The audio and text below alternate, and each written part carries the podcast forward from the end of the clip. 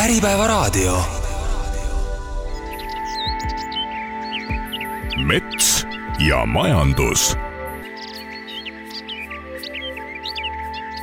tere taas kõigile Äripäeva raadiosaate Mets ja majandus kuulajatele mina olen saatejuht Toomas Kelt ning tänases saates viin teid Tõrvasse, kus augustikuu viimasel laupäeval tunnustati Eesti parimaid erametsaomanikke seda konkurssi korraldab ja viib läbi Eesti Erametsaliit ja parimad saavad tunnustuse kogu pere metsapäeval. ürituse toimumise koht valitakse välja vastavalt võitja metsade asukohale. kui eelmise aasta võitja metsad asuvad Valgamaal, siis selle aasta võitja metsad hoopiski Pärnumaal, nii et järgmisel aastal toimubki kogu pere metsapäev Pärnumaal kui kogu pere metsapäev toimub seitsmendat korda, siis metsaomanike konkurss tähistas sel aastal juubelit, juba kolmekümnes aasta konkursi eesmärk on erametsade ja metsaomanike tutvustamine ning muidugi ka parimate praktikate levitamine. selleks käib igal suvel konkursil osalevate metsaomanike metsi hindamas žürii, mis selgitab ka parima välja. ühelt žürii liikmelt, Valgamaa Metsaühistu juhilt Atso Atsonilt uurisime ka muljeid. mis silma jäi, missugune see Eesti hea metsaomanik praegu on?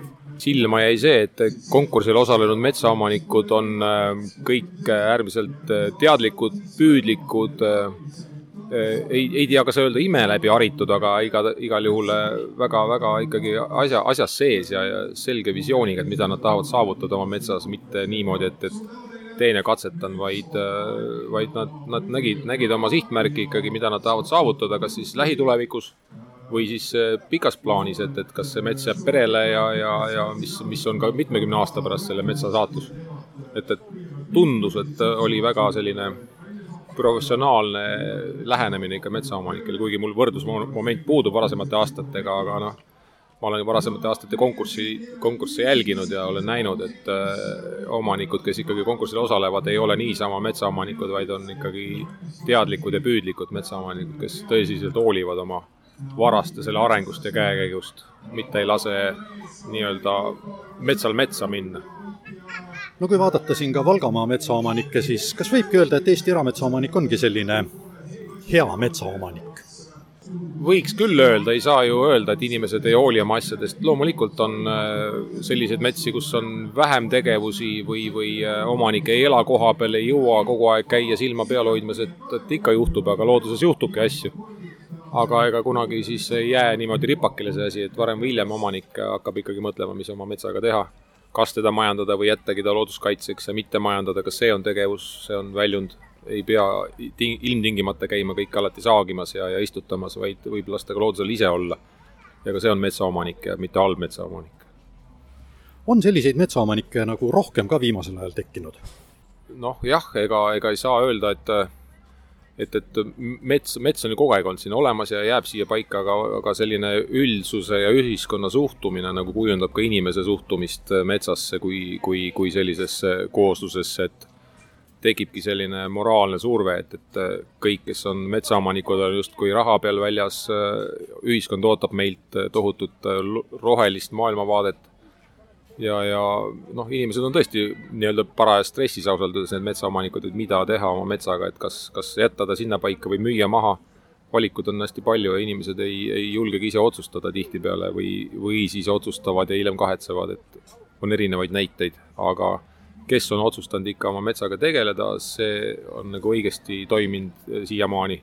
on kas siis lõikanud ise, on ühistu poole pöördunud, on eh, saanud ikkagi kuskilt mujalt nõujõuga abi aga, aga nagu selliseid ripakil metsi noh, on suhteliselt vähe, välja arvatud siis need, mis on tänapäeva mõistes sellised püsielupaigad või, või on määratud kaitse alla, kus ei tohigi majandada, nii et me näeme neid alasid ja siis mõtlemegi, et miks seal ei tehta midagi, tegelikult ei tohigi teha midagi. et see on jälle selline uus trend ja uus suundumus ja pigem Euroopa poolt peale tulev, nii et omanikud äh, tihtipeale ei saagi oma metsas midagi teha, kuna seal on sihtkaitse peal.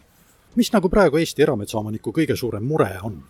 Mure ongi see teadmatus pigem ja, ja, ja nad ei, nad ei julge,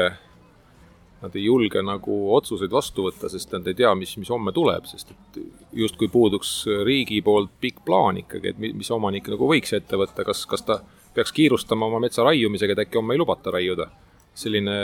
ebaselge õhkkond on nagu selles valdkonnas. Et, et keskkonnakaitsjad üritavad piirata eh, noh, selliseid majandusvabadusi, mitte nüüd, mitte nüüd keskkonnakaitsjad otseselt, aga nemad ju on ka kellegi kellegi huvides võib-olla toimetavad, ajavad oma asja, aga omanikud ei, ei tea jah, mida teha ja, ja, ja kuna teha. et selline, selline väike peataolek valitseb ikkagi, aga kui öeldakse, et, et noh, majadega täna ja kohe, siis, siis, siis nad nii teevadki aga, aga just, just ikkagi sellist riiklikku stabiilsust on, on vähe näha, et, et ainult piiratakse, aga, aga toetusmeetmed ja sellised äh, kas või maadevahetused või asjad, mis, mis muudaksid inimeste, inimeste suhtumist sellesse metsandusse. seda nagu praegu valmis pandud ei ole, et, et pigem ongi sellised sanktsioonid ainult, aga, aga nagu teisi vastu, vastumeetmeid, et leevendavaid asjaolusid nagu väga ei ole, et inimestel ei ole jah, nagu usku sellesse metsandusse tihtipeale enam nüüd kardetakse, et mine sa tea, mis siin mõne kuu, mõne aasta pärast saab. jah, pigem küll, et, et lähiajal võib-olla niimoodi üleöö ei juhtu midagi, aga samas ei ole ka mingit selget signaali, et mis võiks toimuda kümne või kahekümne aasta pärast, ei ole metsanduse arengukava korralikult, ei ole ka mingit pikka viiekümne või saja aasta plaani, et, et kuhu, kuhu Eesti metsandus võiks jõuda, kõik tahavad tohutult innovatiivsed olla aga samal ajal pillutakse kaikaid kodarasse, et jumala eest, et siis ei, ei areneks see sektor või, või ei saaks nagu ligniini korralikult arendada välja või seda tootmist või puitu väärindada väärikalt. ja siis äh, antakse märku, et, et, et Eesti metsandus on äh, lapse kingades, et puitaedeks ahju tehakse sellest äh, tualettpaberit. noh, see on ka selline väärkujutelm nii-öelda, mis on tekitatud. tegelikult väärindamine käib väga kõrgel tasemel Eesti metsanduses aga, aga ikkagi leitakse põhjusi, kuidas, kuidas nii-öelda seda metsasektorit suruda ja, ja las-, ei lasta tal nii-öelda mõistlikult areneda, et pigem on siin tohutu perspektiiv ikkagi. kui me tahame siin fossiilkütustest ja, ja teatud äh, nendest äh, ammenduvatest maavaradest nagu, nagu vabaneda vaikselt, siis loodus on ju see koht, kus ikkagi kasvab peale, me saame seda targalt toimetades ju rakendada edaspidi ikkagi tuleviku huvides, nii et tuleks lasta omanikel rohkem otsustada, otsustusvabadust mitte nii palju piirata kas praegust Eesti erametsaomanikku teeb murelikuks ka see, mis kliimaga toimub, et kas näiteks kuusk üldse jääb Eestis püsima? jah, muidugi teeb murelikuks, sest nad näevad seda ju enda nahal, tunnevad enda rahakotis ja, ja ja, ja ongi, ongi see suur mure, et, et kas Eestis tasub kuusega tulevikus ennata või mitte, aga aga ega siis äh, kuusk, ma arvan, et siit laiuskraadilt ikka veel ära ei kao ikka paari inimpõlve võiks seda kuuskeseni olla ikkagi vabalt veel, et kui see kliima nüüd totaalselt siin soojeneb, mida me ju keegi ei tea, mis toimub. aga samas, kui, äh, kui ikkagi äh, selliselt, selliselt jätkub see soojenemine, siis inimestel lihtsalt ei ole usku, aga nemad ju ei tea, mis, mis, mis toimub kahekümne või neljakümne aasta pärast, kas nemad seda näevad ja siis nad pigem ei panusta sellesse riskantsesse äh, noh, taime näiteks. et, et tuleb looduslikult, siis las ta tuleb ja, ja nad ongi seda meelt, et tuleb siis selline segapuistu, loodus ise uueneb eh, tihtipeale juba tänapäeval paljudes kohtades ja ei ole vaja nagu vägisi siis eh, selle kuusetaimega nimelt uuendada seda ala. ja ta tekibki looduslikult päris hästi, aga teatud vanuses hakkavadki need nõrgad küljed välja tulema, et maapind on kuiv, eh, juurepess nõrgestab kuuske ja ürask võtab siis selle viimase. ega siis üraski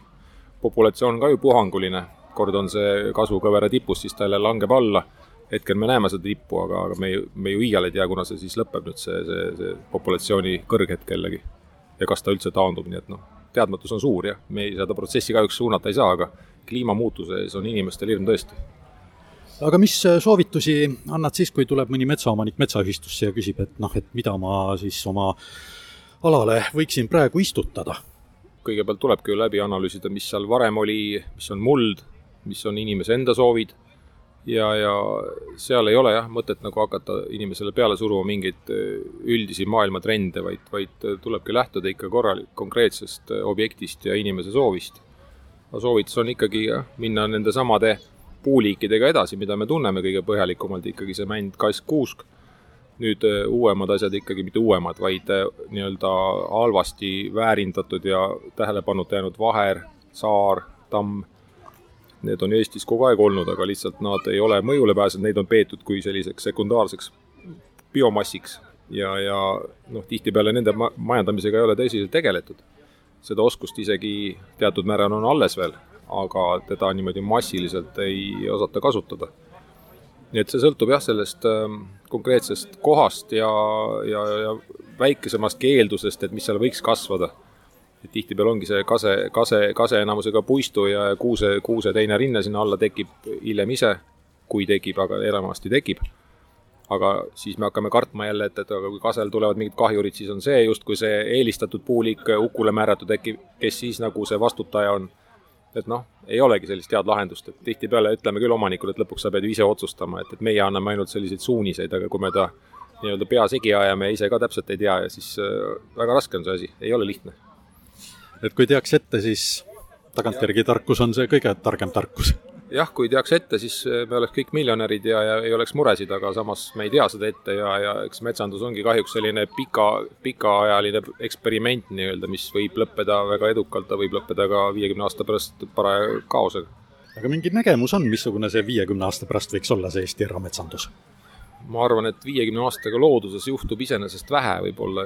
pigem on ju inimpõlved vahetuvad ja tulevad uued tegijad ja, ja mis, mis poliitika siis puhub ja, ja mis inimeste meelsuses on. Võib-olla ei raiuta üldse Eestis metsa, kõike, mis tuleb, see jääb, tehakse ainult, hooldatakse ainult elamualasid ja põllualasid, ülejäänud jääb metsikult võib-olla. keegi peab sellelegi kinni maksma. kas see on siis Euroopa maksumaksja või, või meie sealhulgas nii-öelda riigina, kas me oleme nii võimekad? Lubama endale sellist luksust, siis peaks ju selle sektori nii-öelda täitsa välja lülitama, nii puidutööstuse kui metsakasvatuse, siin on ju kümnete tuhandete inimeste töödest ja eludest räägime ikkagi, see ei ole selline selline nii-öelda nipsust võetav otsus, et äh, selliselt ei saa päris mõelda. Ikkagi, ikkagi see sektor jätkab ju oma joinakat tegevust, äh, aastasadu on sellega tegeletud ja jääb ka edasi tegelema, nii et ega see metsandus kuhugi ei kao, ainult mahud võib-olla muutuvad ja, ja puidust võetakse noh, võib-olla see viimane ikkagi välja, mis võib-olla tõesti tihtipeale tundub tänapäeval, et ei ole võimalik kasutada väärikalt, aga, aga minnakse ka viimase grammini võib-olla, et sellest mingit riiet või, või mingit toodet teha see võib-olla on see tulevik, et minnakse nagu nanotasandile isegi äkki. nagu sissejuhatuses sai öeldud, on parim metsaomanik pärit Pärnumaalt. Tiina Ruul kahjuks ise üritusel osaleda ei saanud, kuid see-eest oli kohal tema koduühistu, Ühinenud Metsaomanikud. Ühiste juht Kadri-Aia Viik pidi siis kastanid tulest välja tooma ja ise parimast metsaomanikust rääkima. kuidas ähm, ühistu vaatab nüüd äh, oma, sellele, et teie üks liikmetest on see parim metsaomanik sel aastal? No ma arvan, et eh, kui esimene joovastus üle läheb, et, et nii suure ja väärika auhinna on võitnud meie ühistu liige, metsaomanik, siis siis me hakkame kindlasti planeerima seda, mis sellega kõik kaasas käib, et järgmise aasta üritus oleks kusagil Pärnumaal ja ja et saaks ka väärikalt tähistatud, aga meil on muidugi kohutavalt hea meel, et, et keegi ühistust on nii kaugele jõudnud ja sellise tunnustuse saanud. kui palju nüüd Tiina Ruul on ühistu abi nagu vajanud? Tiina Ruul on äh, väga tubli metsamees. Äh, temal on olemas metsanduslik taust, äh, metsanduslik haridus ja, ja tal on nagu meie ühistuga seotult, on veel ka nii, et, et tema kursusekaaslane töötab meie metsaühistus, nii et et tal on seda nõu võtta nii töö ajal kui töövälisel ajal ja aga tal on väga spetsiifilised asjad, mida ta on küsinud, neid me oleme koos arutanud, konsulteerinud, selles mõttes on meil väga hea selline töine suhe ühistuga. Pärnumaa on suur ja lai, kas saab kuidagi iseloomustada ka seda kohta, kus kohal Tiina Ruuli mets on? ja Pärnumaa on tõesti ja temal on tõesti sellises kohas, mille kohta tavaliselt öeldakse, kus see nagu enam-vähem maailm kipub nagu lõppema hakkama. et äh, geograafiliselt siis ütleme Häädemeest, et enamasti ikka Pärnumaal teatakse, aga see siis on veel sealt edasi Läti piiri poole. jääb see juba päris nagu mereäärsel liivikule või on see ikka nagu selline mustmuld? Seal on ikka musta mulda ka, eks, aga nagu ta ise ütles siin tegelikult seda eelmise aasta võitja kingitud punast tamme vastu võttes, et muld on ikkagi selline liivane ja savikas ja väga raske on võib-olla kõiki asju kasvama saada, aga ma kinnitan, et tema on sellega hakkama saanud. no aga kui nüüd üldse vaadata nagu kõiki ühinenud metsaomanikke, metsaomanikke, siis äh, on teil veel selliseid äh, metsaomanikke, kes oleksid võinud tegelikult sel aastal ka selle auhinna saada? No meie ise esitasime eh, kolm eh, metsaomanikku, eh, Hugo ja Malle Tomson näiteks, väga tublid peremetsamajandajad ja, ja tõesti Hugo metsades käies, noh, silm puhkab, eks ole, seal on tööd tehtud, nii et nii et hullupööra kohe ja, ja ka näiteks üks Eesti suurimaid metsaomanikke, Metsagrupp, on ju väga kõva metsamajandaja, temal metsades tehakse töid ikkagi sisuliselt, planeeritult, organiseeritult, parimat metsanduslikke teadmisi rakendades, nii et, et meie saame küll öelda, et meil on väga tublisid, on teisi ka. Aga võib siis öelda üldiselt, et Eesti erametsaomanik on ikka selline tubli metsaomanik? No eriti täna siin käies eelmise aasta võitja metsades, siis, siis noh, see on silmnähtavalt on nõnda, et eh, nagu Tiina ütles, armastus on kõige all et kui armastad siis, siis oma metsa ja oma, oma omandit ja hindad ja mõistad seda, siis, siis lähevad ka asjad hästi seal no traditsiooniline küsimus oleks selline, et mis Eesti erametsaomanikku muretsema paneb, aga tänasel pidupäeval ma küsin hoopis, et mis on see, mis Eesti erametsaomanikku praegu rõõmustab? Metsaomanikku rõõmustab kindlasti see, et mets kasvab vaatamata poliitilisele olukorrale või, või raskele majanduslikule olukorrale või ma ei tea, millele iganes, eks ole, kasvab ikkagi hästi. ja tegelikult Eesti metsas juurdekasv on aastatega pidevalt kasvanud ja sealt on järelikult, kui ta kasvab, siis on sealt ka midagi võtta ja saada, nii et kui targalt toimetad, siis on, mõlemal on hästi ja targalt toimetada aitavad siis metsaühistud? targalt toimetada aitavad metsaühistud tõesti, nii et eh, metsaomanik, kui sa oled mures ja hädas, siis sinu mets ei pea olema mure, vaid see peab olema rõõm ja ja rahuldustunne, nii et tule metsaühistusse, kui sul on natukenegi vaja nõu pidada. aga anname sõna ka eelmiste aastate võitjatele Valgamaa metsaomanik Andrus Niit oli parim eelmisel aastal ning millised on tema põhimõtted metsa majandades? et äh, ma lõpetasin Luua metsanduskooli kaheksakümne kaheksandal aastal see pani mul, ma arvan, et minu sellele metsanduse nägemusele pani aluse. et mismoodi mina nagu hakkasin nägema seda metsa, et see teadmistepõhine metsandus. ja nõukogudeaegne metsandus, see erines teatud määral praegusest metsandusest, sellepärast et äh, Nõukogude metsandus võeti suurelt osalt üle Preisist. Preisi metsandus oli niisugune ikkagi järjepidev ja et seal ei olnud nagu mingisuguseid niisuguseid noh, väga suuri raieid ei toimunud kunagi et äh, üritati ikka loodusega käsikäes käia. aga missugune see praegune teie hinnangul on, raied on nüüd rohkem läinud nagu selle peale, et sõltub, kuidas nõudlus on? Äh, jah, raied on läinud küll selle peale, kuidas nõudlus on, aga ma arvan, et meil ei ole praegu see raiumise ja tasakaal veel saavutatud. et äh, see peaks olema tasakaalus, et noh, viimasel ajal on väga aktuaalne olnud üraskirünne mis äh, minu meelest äh, peaks võtma üldse esimese, esimesse järjekorda raiumisele üldse, et äh, ja seda peaks tegema riigi tasandil, ma leian.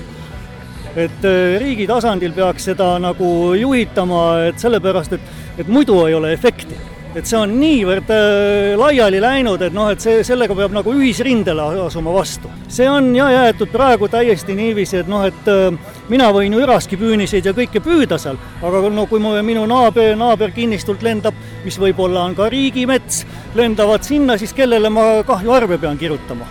aga kui nüüd teie enda metsamajandamise selliste traditsioonide ja põhimõtete juurde tagasi pöörduda, siis enne siin laval te ütlesite ka, et te istutate igasuguseid ja. erinevaid puid, et teatud määral ma olen viljelenud niisugust seemnest panekut, puu, puude seemnest panekut. et ma viimasel ajal olen hakanud nagu punast tamme kasvatama, et näha, et mismoodi ta nagu tuleb, et, et ma tean, et ta kasvab päris hästi Eesti oludes juba. aga aga noh, eks ma näen seda veel tulevikus. Ja ma arvan, et ei näe mitte mina isegi võib-olla seda vilja, näevad äh, tulevased põlved üldse. no mida huvitavat veel olete kasvama pannud? Ja kas kõik on ka läinud, sest ega päris kõik ju meie tingimustes äh, kasvama ei lähe alati. no,? probleeme teatud on, et näiteks äh, ma tean, et krahv Berg, Sangaste krahv nii-öelda, tema üritas ka panna ebatsuugat päris palju ja muidugi seal Sangaste pargis on ka väga kõrgeid ebatsuugasid, aga ma ei tea, miks ta selle katse pooleli jättis, mina alustasin uuesti neid katseid oma, oma peaga ja, ja noh, tulemused äh, on näha. Mingite väikeste taimehakatiste näol juba, et noh, et, et tulevad küll, aga noh, ma ei tea, mis see meie soojenenud kliima teeb. et kui ta edaspidi on soo-, soojem, siis ma arvan, et kasvavad veel paremini no aga ega te selliseid tavalisi kuuske, mändi, kaske ka ära ei unusta? Jah, kuuske, kuuske olen ma pannud, aga ma väga enam ei vaataks kuuse poole, sellepärast et kui ma näen, mismoodi see ürask tegutseb, siis mul kaob, kaob igasugune tahtmine sellega võidelda juba. et see on minu arust suur probleem ikkagi et esiteks võib-olla ei sobi ka see soe kliima meie kuusele väga, et noh, et kui on ikka väga kuumad suved, siis on, puu läheb stressi, ta ei jõua võidelda selle üraskiga, et see, see on probleem. männi, mändi mina leian, et see võiks tulevikupuuna panna küll ja kaske ka. et nendel ma ei näe nagu võib-olla noh, männil on seal alguses võib-olla noorena on mitme, mitmeid haigusi, mis tulevad talle see kallale, aga, aga vanemas eas elab väga hästi. minge vaadake Sangaste parki, missugused männid seal kasvavad, kolmesaja aastased ja peale. Üle-eelmise aasta võitja Gunnar Lepassaar on Virumaa metsaomanik kuulame ka tema arvamust erametsade majandamisest. ühiskond nagu ei saa aru, kui, kui palju ja kui, kui palju tehakse tööd metsas tegelikult ja milleks see kõik vajalik on. et see jutt, et mets kasvab ise, ei vasta absoluutselt mitte tõele. ja sellist, sellist juttu ei, metsamajandale, majandale selline jutt üldse ei meeldi et ei saa jalgu seinale visata ja oodata, vaadata, kuidas puu kasvab? no kindlasti mitte, sest puu ise noh, kasvab küll midagi, aga mitte see, mida, mida me tahaksime, mida me sooviksime ja, ja mida meil vaja oleks. mis kõige tähtsam selle metsa majandamise juures on, missugune töö? no eks ikka noorendiku hooldus ja, ja kultuuri hooldus, sealt hakkab peale. Et paraku meil nagu ongi kujunenud selline seisukoht, et metsamajandus tähendab siis lageraiet ja siis ongi kõik, et raiutakse puud maha, nii ta jääb ja rohkem sinna mitte keegi mitte midagi ei tee ja siis ükskord järgmise kaheksakümne aasta jooksul minnakse uuesti lage raiuma. tegelikkus on äh, hoopis midagi muud. Peale lageraiet algavad kohe istutustööd, kultiveerimised, noorendikuhooldused, see on järgmine neli-viiskümmend aastat järjepidevat tööd ja et saavutada see, mis, mis nagu peaks, mis meile kõigile meeldib, mida me räägimegi, et oi, me tahame oma lastele pärandada ilusat metsa, aga ilus mets, korralik mets, kvaliteetne puit ei kasva iseenesest, seda on vaja kasvatada. üks müüt muidugi on see, räägitakse, et Eestimaa metsad on raiutud maleruudukujulised pillid, aga, aga mis siis peaks olema, kas peaks olema kaks-kolm tuhat hektarit äh, lagedat ja siis kaks-kolm tuhat hektarit äh, metsa, see ei ole ju normaalne mida liigendatum on maastik, seda rohkem on võimalusi elada seal liikidel, erinevatel loomadel, lindudel, liblikatel, kõigil. see on ka nagu peaks arusaadav olema. mets ja majandus jätkub nüüd aga hoopis teisel teemal. mets ei ole ainult puit, vaid mets on ka palju teisi saadusi, rõhutatakse. ja just neist teistest saadustest me nüüd räägimegi. Tõrva on ka selleks suurepärane koht, sest just seal asub Schroomvelli seenekasvatus koos firmajuhi Siim Kabritsaga käime ringi juhiuues sisekasvatuses, aga loomulikult ei unusta me metsast rääkida. Schroomwell on nimelt välja arendamas uudset võimalust kukeseeni kasvatada ja lisaks on neil katsetuses ka juurepessi tõrjuva seene kasvatamine. järgnevalt viime teid Tõrva uude seenekasvatusse, kujutage nüüd endale ette vana tööstushoonet, mis on jagatud kambriteks, kus riiulitel on reas noh, ütleme, et nagu kilevorstid täidetud lehtpuu hakkega ja muude substraatidega, millel kasvavad just need õiged seened. Siim Kabrits alustab juttu juhitava kliimaga kambris, kus kasvatatakse seent nimega lõvilakk. et seente puhul, et eh, erinevad funktsionaalsused, et on eh, kas unele, immuunsusele, siis on noh, kõigele, kõigele nagu muule. et siis me lähme seal, ees on siis näha, kuidas nad kasvavad aga see, millele seen mõjub, see sõltub nüüd, et missugune seen see on? jah, see sõltub seenest, et siis on, sõltub jah, et see on näiteks, et fookus on lion's mane, et noh, kuhu me liigume, on ju see, et maailmas kõige rohkem, kõige tuntum seene on penitsiliin. et, et hästi selline jämedalt, et kui maailmas on taimeliike nelisada tuhat, seeneliike on üks viis miljonit, teaduslikult on uuritud ainult äh, kakskümmend tuhat, mis on alla ühe protsendi. ehk selliseid penitsiliinilaadseid lahendusi võib olla tuhandeid. et sellepärast on ka, nähakse seda hästi suurt potentsiaali ja et, et kui vähe teda on alles uuritud. kui me vaatame siis noh, seente kasutamist, et üks on farmaatsiasektor, aga siis on suured firmad arendavad kosmeetikasektor, noh, L'Oreal, BASF, siis on äh, väetised, taimekaitse, Nike arendab tekstiili, jalanõusid, Elon Musk arendab eh, kosmoserakette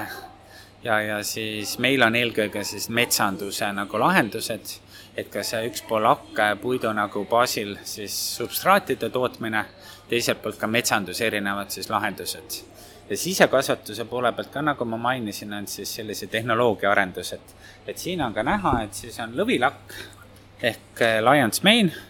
et lähme, võib sisse minna, et siis on, et kuidas ta kasvab substraadi peal, et siin on näha, et, et ühtepidi ta on meditsiiniseen, teistpidi on siis gurmeeseen. no kui vaadata, siis nagu sellised vorstid siin riiuli peal. et see ongi sellised substraadid, lehtpuu, saepuru nagu, kus siis on lisaks erinevaid, vastavalt seenele on siis juurde pandud,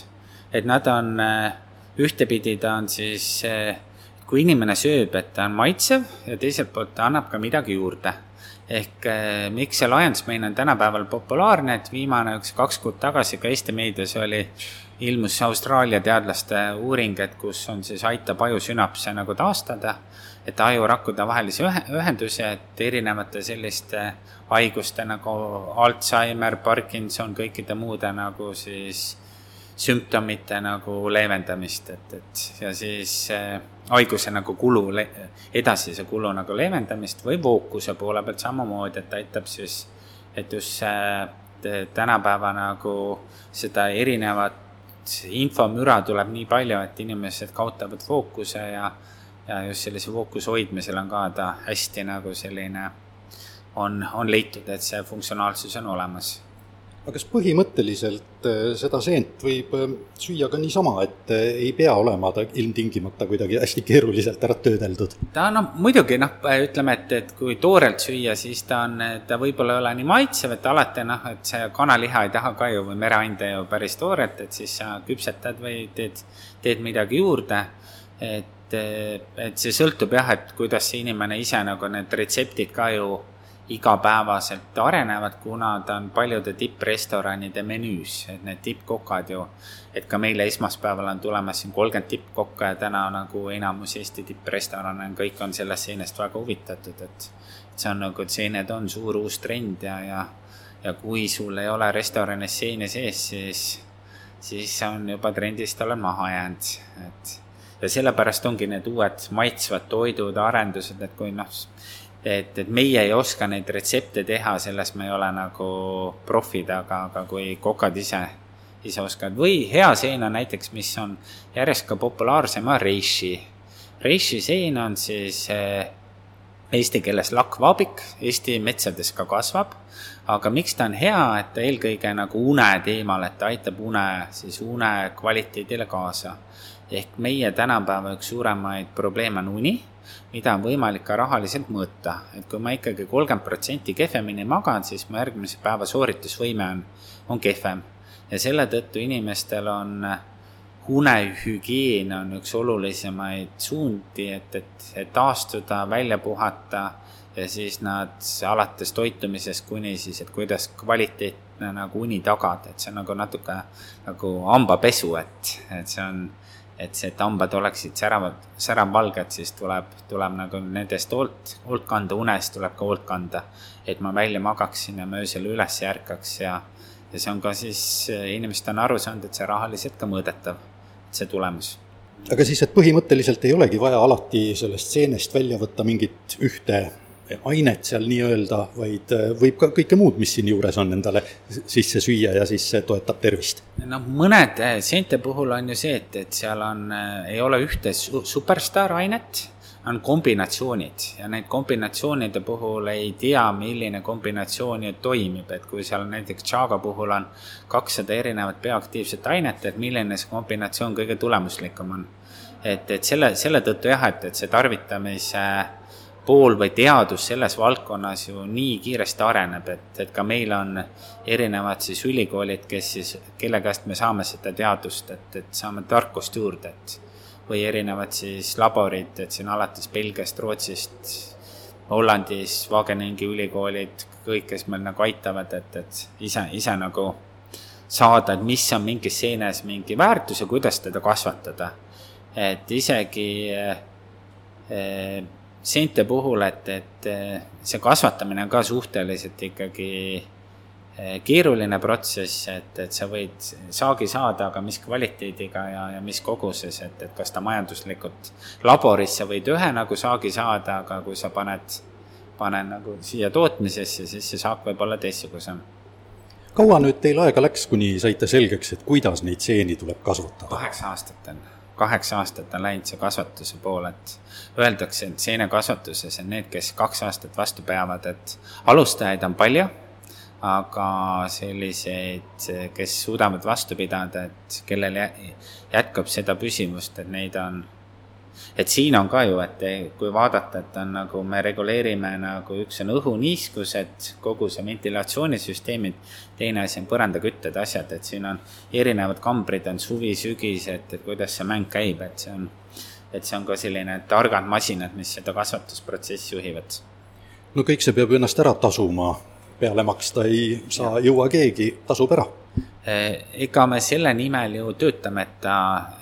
me näeme selles valdkonnas väga suurt potentsiaali ja, ja meie kõik need tegevused on ju tehtud selle nimel, et oleks, oleks tasuv ja teiseks meil on täna ju investorid. iga investor ootab, et see raha tagasi tuleb, et, et see on nagu, selle nimel me töötame. palju inimesi Tõrvast te tööle olete saanud võtta? noh, ettevõttes kokku nelikümmend inimest, Tõrvas on täna kuskil viisteist inimest on juba, et, et et see järjest Tõrva inimeste osakaal kasvab ja Tõrva puhul võib öelda, et noh, iga Tõrvasse loodud töökoht on kümme korda väärtuslikum kui Tallinnas. et just eelkõige teadustöökohad ja noh, et me ei suuda enam odavaid asju kasvatada, et ka meie seened ei ole odavad, on ju, nad on kallimad seened. me ei suuda austerservikut kasvatada, šampinjone kasvatada, need on lihtsad seened. meil on ikka kallimad seened no ega Eestis peabki ju tegema järjest kallimaid asju, et meil majandus edeneks. meie suund, et, et teha, teha kallimaid ja paremaid asju, et no üks seenekasvatus on see, mis toimub siin nii-öelda selles tehases või kasvuhoonetes, aga tegelikult te vaatate ka metsa poole, võiks öelda. jaa, et metsas on ka, et just eh, seesama kukaseenepuu, et kuidas siis panna, nakatada see, kas siis männiistikud või kuuseistikud, et, et kuidas panna, et ta kooselus siis eh, seenekultuuridega ka, ka siis äh, raha tootma, et, et kui see metsaomanik on metsa maha võtnud ja paneb uued taimed sinna, et siis järgmised ju kuuskümmend kuni kaheksakümmend aastat tal on ainult kulud. ja nüüd, kui sealt hakkab kukaseeni tulema, et siis on tulupool. ja ka tekib ka see, et ma saan metsas seda saaki planeerida, ma tean, kus see kasvab, ma ei pea otsima. ehk täna nagu selle koriluse poole pealt kõige kõige kallim osa on ju otsimine, et aeg maksab. iga bensukilomeeter või bensu hind on nii kallis, kütuse hind, et ja iga tund on juba ka inimesel on kallis selle tõttu, et kui sa saad seda planeerida, see tähendab, et meist võib saada maailma suurim kukeseene eksportiv riik ühel hetkel. Nii et metsast ei pea ainult puitu saama, metsast saab ka kõike muud. jah, et kui me vaatame meie metsas, siis ju kuuskümmend prot- või üle viiekümne protsenti Eesti pindalast on mets ja metsast ju kuuskümmend protsenti on madalama puidu väärtusega. ja see on ideaalne seal, et, et sa ei pea palgipuid maha võt- või et sa ei pea kõike metsa maha võtma, vaid sa saadki jagada ära, et mis on mingid kõrvalsaadused, asjad, et mis on võimalik kas nüüd kukeseenehuvilised võivad teie poole ka pöörduda, küsida seda? me ise istikuid ei müü, aga me teeme siis eelkõige, müüme teaduslahendusi, et meie huvi on siis need Äh, kasvatused, kes neid taimi kasvatavad, et ühel hetkel nei-, nendega koos siis neid, et nemad saaks neid taimi müüa. ja, ja see on pigem, et, et neid teaduslahendusi. et see on nagu see, see suund, et ja meil täna on ka siis sellel aastal üle kahekümne tuhande siis testtaime läheb maha, mida me siis ja esimesed noh, katsed on ka täna juba maha pandud, et ja no eks näis siis, et kuskil aasta jooksul, noh, iga aasta me järjest neid test nagu äh, raielanke siis teeme või kasvatusi teeme. Ja meil on täna siis võib öelda, et me oleme maailma suur, suurim välikasvataja, et meil on siis Chaga ja, ja erinevad Reishi ja Türkiteili kasvatused, et seitsmesajal hektaril nii Eestis kui USA-s ja, ja üks pool on siis kasvatus, aga teine pool on see ta-, teadusinfo, mis me sealt saame, data kus ta paremini kasvab, mis metsatüübis, mis mullavil-, viljakusega aladel, et see on tegelikult see võimalikult suuremal alal võimalikult rohkem infot, et kuidas nüüd on, et kas tegelikult kallim ongi see teadmine? teadmise pool, et füüsilise tootega kunagi unicorniks on Eestist, on väiksest riigist on keeruline saada, aga just teaduse eksport ja teaduse lahendused, et seal me näeme, et see nagu mitmed külalised, kes meil ju nüüd ütleme, me ise käisime Hiinas ja, ja meil on siin hiinlased Indias ja Saudi Araabia, alles jaapanlased Araabia riikidest, et, et kõik, kui nad näevad, mis me teeme, siis see nagu kõnetab. et see kõnetab ja sellepärast on see just eh, teaduse ekspordi osa on järjest nagu olulisem, et seal me näeme, et, et seal me saame kasvada ja see on, see on see potentsiaal, et ja eriti metsanduses, et seda võib öelda, seda täitmata kohta on nagu, seda nišši on nagu, mis on, tundub nišina, aga tegelikult on väga suur äri on, on palju aga tegelikult araablased ei tule siia mitte seeni ostma, vaid tulevad siia ostma teadmist, et kuidas neid seeni kasvatada. jaa, et see ongi, et, et nagu ma enne mainisin, et seene kasvatamine ei ole, ei ole lihtne, et sa võid vertikaalfarmi püsti panna, aga aga see, et, et mis sinna juurde, et see, see on keeruline no tuntuks saite te eelkõige selle Musta Pässiku ehk Tšaagaga, ettevõtte nimigi on vastavalt sellele muutunud ajas. Aga ega Chaga maha pole maetud? ei, Chaga ei ole maha maetud, Chagale lisaks, et ettevõtte registrikood on sama, kõik küsivad ka, et kas Chaga nüüd, ei, et, et lihtsalt ettevõttel on uus bränd ja, ja uus nimi. Ja sellepärast, et üks seen tekitas palju segadust, aga nüüd, kuna meie valik on suurem, meil on Lions Mane'i muud seened, et siis me olime sunnitud ka nimevahetuseks kaks aastat, me otsisime seda nime ja, ja teiseks, et üks oli tervisetooted Chaga Healthi nagu brändi all, aga teine pool on meil innovatsioon. ehk nüüd Stroom välja uue nime all, et me katame ära nii Stroom ehk seened ja wellness, wellness valdkonna tooted ja, ja lisaks on innovatsiooni osa ka, et, et ehk ta on täis nagu spekter. Ja, ja kasvatus, innovatsioon ja, ja siis wellness tooted, et aga metsaomanik, kes tahab oma, ütleme nii, mitte väga, väga väärtuslikku kasemetsa Chagal, Chagaga nakatada, siis võib ikka jätkuvalt teie poole pöörduda? jaa, et noh, kuigi me täna oleme sellise suuremate metsaomanikega, meil on, kas siis rendime metsa või siis oleme ise rajanud, ostnud metsa, et me sellist eh, mass nagu eh, ütleme, tüüblimüüki ei ole teinud, kuna lihtsalt meil on nii palju kliente ja nende kõikide haldamine ja et meil on, eh, on liik-, oleme liikunud suuremate metsaomanike poole, et meil on selline neli-viis suuremat Eesti metsaomanikku, kellega siis koos. aga muidugi, kui kellelgi huvi väga on, et siis me oleme alati on, on teretulnud ja, ja kindlasti nagu selline pikaajaline koostöö, et kuna need on noh, teaduse, innovatsioonis ja kasvatuses, need on pikaajalised projektid ja, ja, ja siin on selline partnerite nagu pool on oluline. millist perspektiivi üldse sellel seenekasvatusel näete? seente valdkond on ju materjaliteadus ja, ja ravimiteadus ja, ja kogu selle valdkonnas on väga suure potentsiaaliga, et see on ikkagi, et kui, kui vaadata, et, et, et tooraine, mis kasvab kiiresti, mis on hästi keskkonnasõbralik, et see tegelikult on, see potentsiaal on meeletu. see potentsiaal on meeletu, et mis me nagu teeme, et mis, mis sente puhul nagu võimalik, et need valdkonnad juba, seal on viisteist suurt valdkonda, milles on võimalik nagu lahendada, et kui kui vaadata äh, väli, sisekasvatust, aga me ei, kunagi ei saa olla, ei suuda hiinlastega konkureerida või teiste riikidega, aga välikasvatused ja just need metsanduslahendused ja kombineeritud, et seal me oleme kindlasti, saame olla maailma edukamad, et et ma näen, et seda seente valdkonnas, kui palju neid unicorn'e juba täna tuleb, et siis ma ütlen, sellise rohevaldkonna unicorn'e on, on siin võimalik Eestis kümneid ja kümneid, et see potentsiaal on suur. on nende metsalahenduste vastu küsitud huvi tuntud ka väljasmaal, välis, väljastpoolt Eestit? suur nagu huvi ja, ja see on ikkagi, on täna näha, et see, see meie tegevuse poole pealt, et kui algselt pidime ise tutvustama, siis täna juba väljaspoolt tuntakse, tullakse, küsitakse, kuuldakse, et see on nagu põnev. selline saigi siis tänane Mets ja majandus. soovin teile ilusat sügist ja edukat metsandusaastat